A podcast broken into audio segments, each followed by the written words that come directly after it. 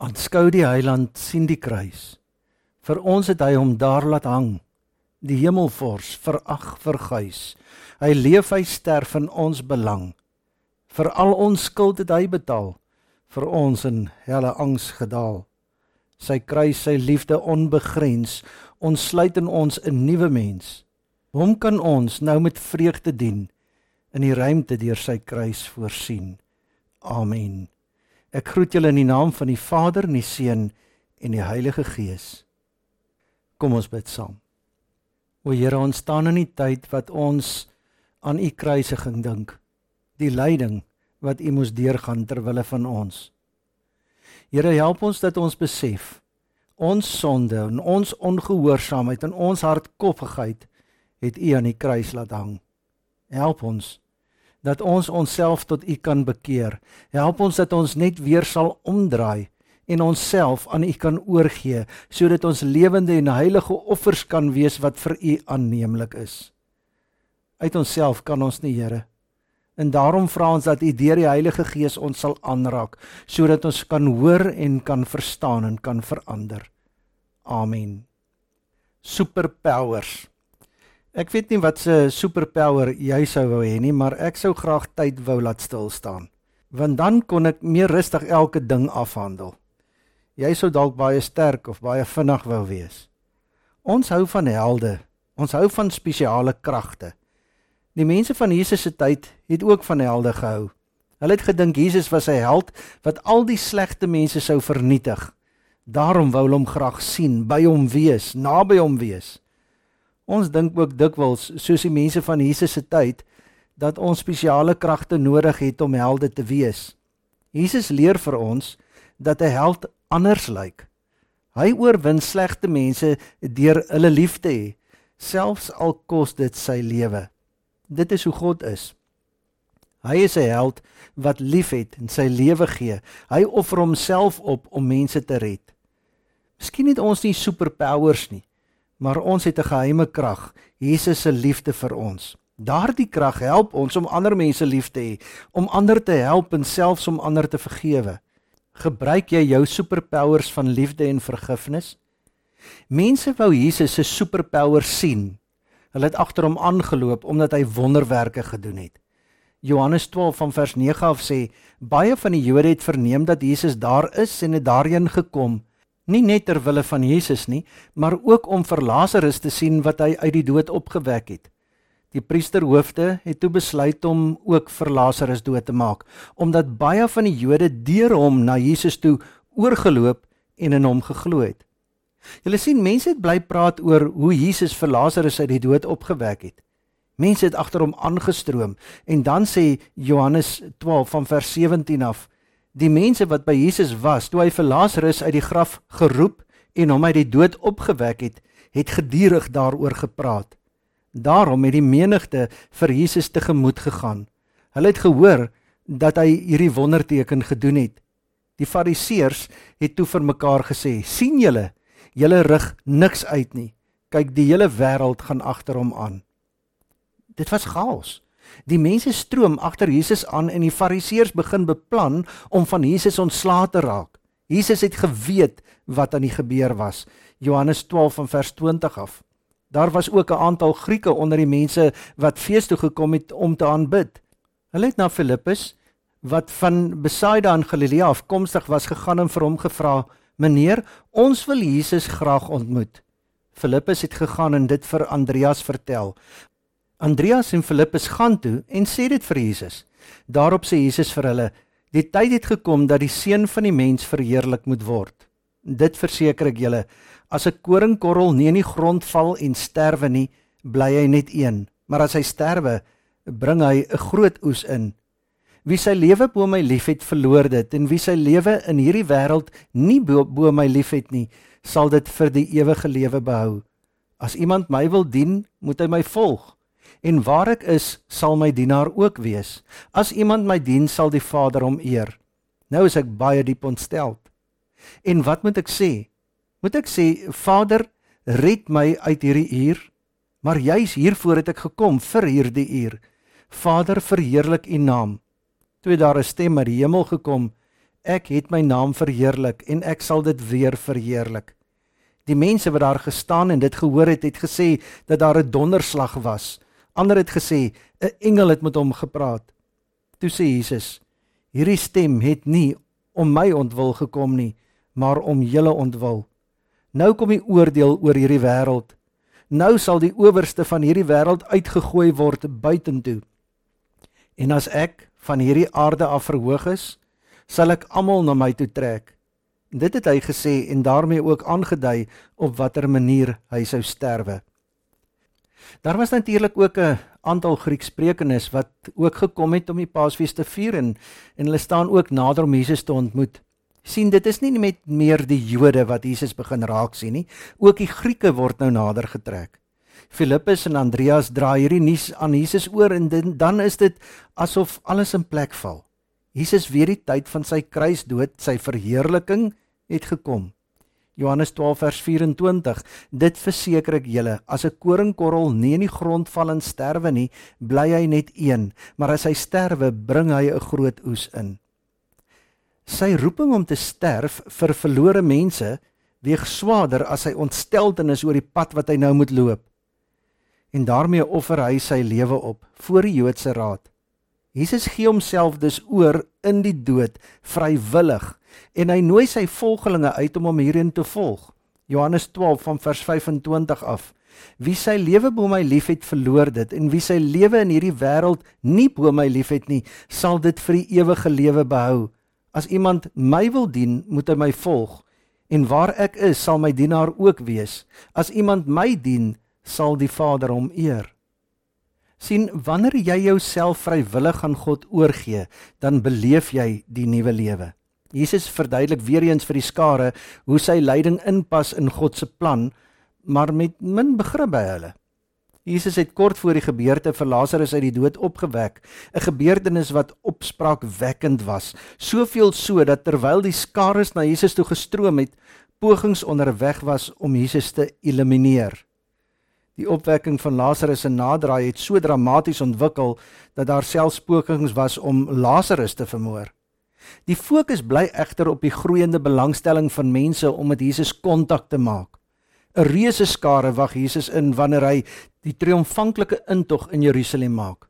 Alles tot die ergernis van die Fariseërs wat met hulle hande in die hare was. Op ironiese wyse word die woorde van die Fariseërs dat die hele wêreld agter Jesus aanloop korrek bewys. Tussen die Paasfeesgangers in Jerusalem was daar selfs Grieke wat die Joodse geloof aangeneem het. Hulle was deel van die sogenaamde proselite of halfproselite van die dag, maar het net beperkte toegang tot die tempel gehad. Alles was nie vir hulle oë bedoel nie. Hulle nader egter Filippus met 'n versoek om vir Jesus te sien. En dele van die Joodse geloof was vir die heidense bekeerlinge buite perke, maar die seun van God, die een wat die ewige lewe bewerk, was toeganklik.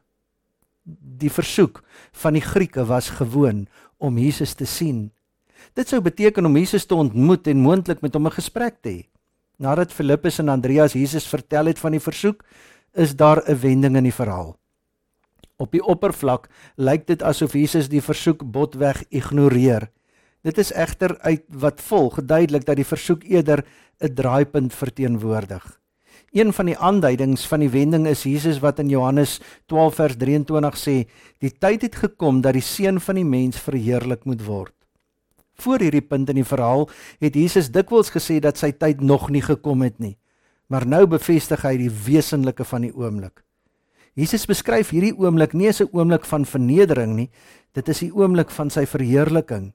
Die Johannes Evangelie beskou Jesus se dood nie as 'n negatiewe insident of teken van mislukking nie, maar 'n positiewe, verheerlikende oomblik. Dis die oomblik wanneer Jesus sy aardse sending suksesvol voltooi. Dis immers hoekom Jesus gekom het. Johannes 12 van vers 24 af. Dit verseker ek julle, as 'n koringkorrel nie in die grond val en sterwe nie, bly hy net een, maar as hy sterwe, bring hy 'n groot oes in.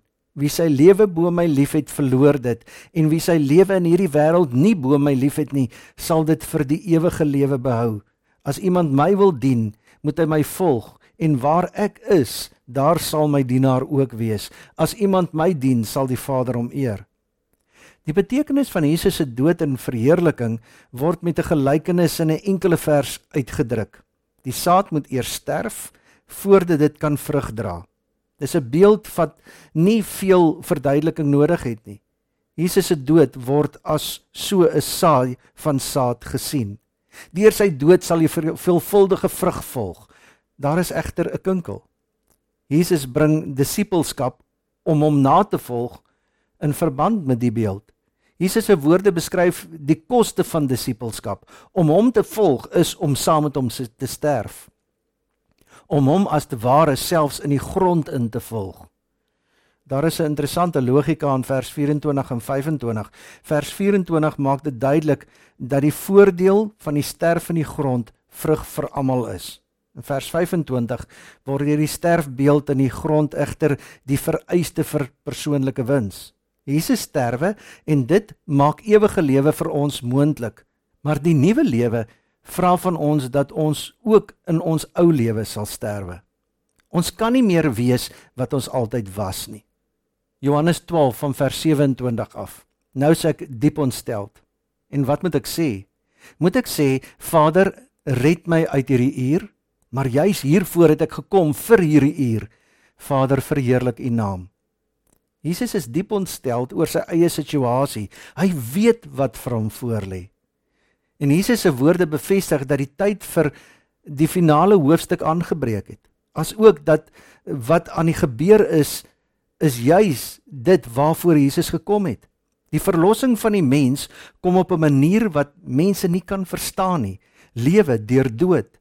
Jesus se hoogste strewe was om te sterf sodat jy kan lewe. Ons lewe in 'n tyd waar waar elke poging aangewend word om langer te leef. Medikasie verbeter daagliks wat mense help om nog langer te lewe. Dit is daarom nie vreemd nie dat talle mense dit as die hoogste strewe sal stel om lank te lewe. Jesus se lewensstrewe is om te sterf. Dit is van die begin af duidelik dat Jesus se sending oor die redding van die wêreld gaan. Hoe lyk hierdie wêreld vandag? waarvoor Jesus 2000 jaar gelede voorgesterf het. Die wêreld is die plek waar die afgryslikste realiteite voorkom. Mense onderdruk mense en die natuur word bedreig deur die vernietigende hand van die mens. Mense haat mekaar. Mense haat mekaar se verskille.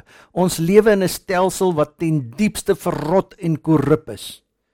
Jesus kom sê vir ons dat as jy werklik wil lewe, moet jy in jouself eers sterwe. Vers 24 Dit verseker ek julle, as 'n koringkorrel nie in die grond val en sterwe nie, bly hy net een, maar as hy sterwe, bring hy 'n groot oes in. Wie sy lewe bo my liefhet, verloor dit. En wie sy lewe in hierdie wêreld nie bo my liefhet nie, sal dit vir die ewige lewe behou.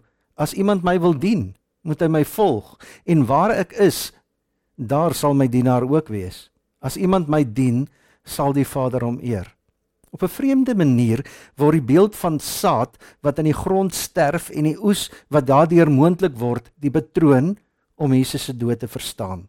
Moenie vaskyk in die koringkorrel wat sterf nie, fokus op die oes wat dit gaan voortbring. In navolging van Jesus word dit ook ons roeping om ons lewens vir God prys te gee. Ons moet die saad volg en self as saad sterf in navolging van Jesus. Vers 27 sê: "Nou is ek diep ontstel en wat moet ek sê? Moet ek sê Vader, red my uit hierdie uur? Maar juis hiervoor het ek gekom vir hierdie uur. Vader, verheerlik U naam." Terwyl blote oë slegs die teregstelling sien, kan geloofsoë die verhoging en verheerliking sien. In die proses word almal saam opgetel uit die moeras van hierdie wêreld. Johannes 12 van vers 44 af sê: "Toe het Jesus uitgeroep: Wie in my glo, glo nie net in my nie, maar ook in hom wat my gestuur het. En wie my sien, sien ook hom wat my gestuur het. Ek het as die lig na die wêreld toe gekom sodat die wat in my glo nie in die duisternis sou bly nie. En as iemand na my woorde luister en hom nie daaraan steur nie, veroordeel ek hom nie. Want ek het nie gekom om die wêreld te veroordeel nie, maar om die wêreld te red. Wie my verwerp en nie my woorde aanneem nie, het reeds iets wat hom veroordeel. Die woorde wat ek gespreek het, sal hom op die laaste dag veroordeel. Ek het nie uit my eie gepraat nie, maar juis die Vader wat my gestuur het, het my opgedra wat ek moet sê en wat ek moet praat. En ek weet dat sy opdrag die ewige lewe beteken. Wat ek sê, sê ek presies net soos die Vader dit vir my gesê het. Johannes sien Jesus se lyding en sterwe nie as 'n laagtepunt nie, maar 'n hoogtepunt, die klimaks van sy aardse bediening. In werklikheid is die kruis nie die vernedering nie, maar die verhoging van Jesus. Aan die kruis word sy verheerliking en redding en die Vader se versorgende liefde sigbaar gemaak. As ons na die kruis kyk, kan ons met reg dink en sê, dit is hoe onvoorwaardelike liefde lyk. O Here, help ons dat ons onsself aan U kan oorgee. Dat ons ook in onsself kan sterf. Dat ons bereid is om dit wat vir ons belangrik is en goed is, eenkant te skuif en U te volg met alles wat ons is en het. Dankie Here dat U vir ons wys dat ons onsself moet leegmaak dat ons U moet volg en dat ons U moet dien. Dankie vir daardie groot opoffering wat U gemaak het, dat U vir ons aan die kruis gesterf het sodat ons kan lewe. Help ons nou dat ons ten volle in U genade kan leef. Amen. Die Here sal julle seën en julle beskerm. Die Here sal tot julle redding verskyn en julle genadig wees. Die Here sal julle gebede verhoor en aan julle vrede gee. Amen.